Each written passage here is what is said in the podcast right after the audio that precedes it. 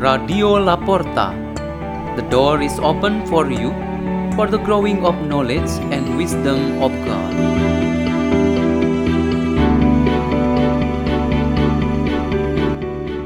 Delivered by Father Peter Tukan SDB from Labuan Bajo, Indonesia.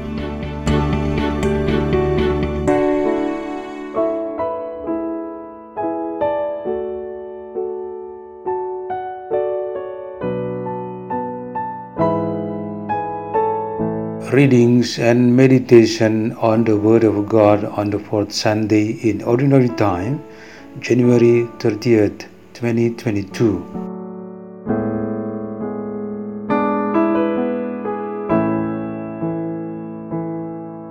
From the book of the prophet Jeremiah The word of the Lord came to me, saying, Before I formed you in the womb, I knew you. Before you were born, I dedicated you. A prophet to the nations, I appointed you. But do you gird your loins, stand up, and tell them all that I command you. Be not crushed on their account, as though I would leave you crushed before them.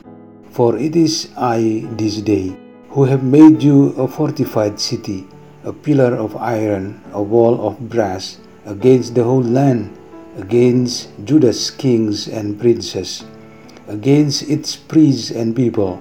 They will fight against you, but not prevail over you. For I am with you to deliver you, says the Lord. The word of the Lord.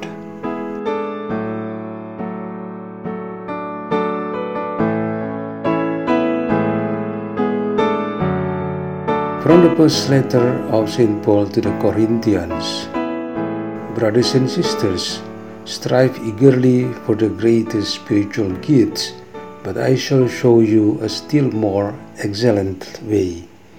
If I speak in human and angelic tongues, but do not have love, I am a resounding gong or a clashing cymbal. And if I have the gift of prophecy and comprehend all mysteries and all knowledge, if I have all faith so as to move mountains, but do not have love, I am nothing. If I give away everything I own, and if I hand my body over so that I may boast, but do not have love, I gain nothing. Love is patient, love is kind. It is not jealous, it is not pompous, it is not inflated, it is not rude. It does not seek its own interest. It is not quick tempered. It does not brood over injury.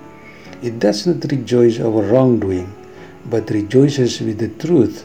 It bears all things, believes all things, hopes all things, endures all things. Love never fails. The word of the Lord.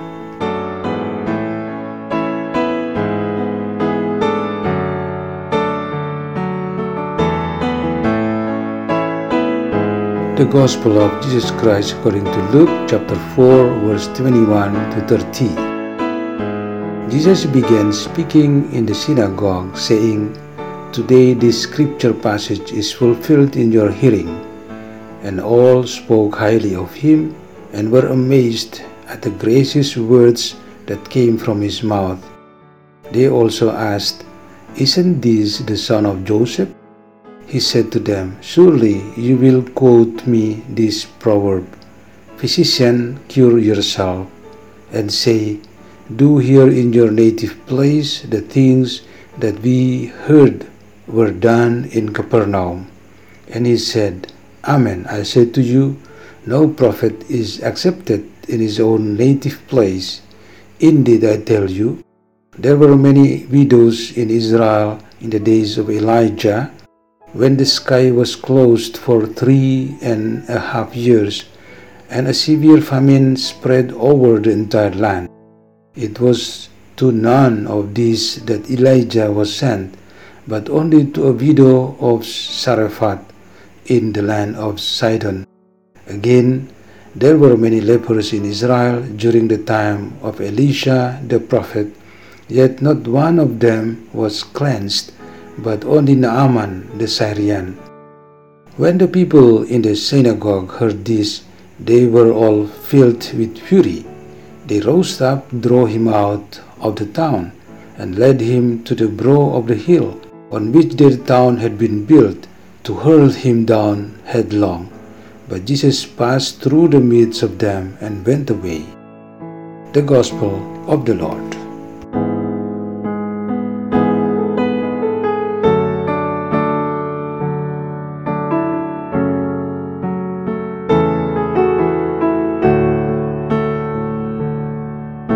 The theme for our meditation on this fourth Sunday in Ordinary Time is Only Because of Jesus. There was a big male dog raised in the rectory of a local parish. The dog's voice was loud and often frightened the guest. In the same rectory, there was also a white rooster. It always made a loud voice when it crowed and valiantly raised its two flaps. Both the dog and the rooster looked arrogant. They could threaten each other. For example, when the rooster crowed, the dog immediately barked. The dog seemed to want to assert that it was more powerful, while its counterpart had no influence at all. When the dog passed near the aluminum cage, where the rooster was, the rooster jumped and tried to punch. It didn't want its territory to be disturbed. However, whenever there was good food on the rectory table, such as bread from a well known bakery, placed on one plate and given to both, they ate together in a calm and peaceful atmosphere. They shared the special food they waited for each other and gave each other a chance. After the bread was eaten, the two animals returned to their place and followed the rhythm of their respective lives. Each still wanted to dominate. For us believers, Jesus Christ is the Father's only precious gift, which makes us all willing and submissive to follow Him. He is our primary teacher and leader. Even though we can be arrogant and fight with each other, but once Jesus Christ is made our reference to live and behave, we can't help but give in. We must decide to follow his ways or reject him instead. When the prophet Jeremiah received a call and mission from God to serve the people of Israel, and when Jesus Christ was carrying out the task of teaching and proclaiming the kingdom of God among his own local people, the hope that all could receive them well and joyfully did not materialize. Some people accepted and experienced a growing faith in an Almighty God. But many people did not want to accept. They tended to think that both Jeremiah and Jesus Christ were the serious threats to their well established life. God's accomplished work in the plan of salvation had culminated in the mystery of Jesus Christ. Even though he is the Son of God who lives among mankind, he had to resist all such rejection. He had even paid a very great price, namely his passion and a very cruel death on the cross. However, it was only in this way that he left us a legacy of exemplary love. Living in the spirit of love is what we have been living up today. Let's pray. In the name of the Father, and of the Son, and of the Holy Spirit, Amen. O Father, bless us so that by celebrating this Sunday, we may grow more mature in our faith and apostolic life in the midst of the world. Our Father who art in heaven, hallowed be thy name. Thy kingdom come, thy will be done on earth as it is in heaven. Give us this day our daily bread and forgive us our trespasses, as we forgive those who trespass against us. And lead us not into temptation, but deliver us from evil. Amen.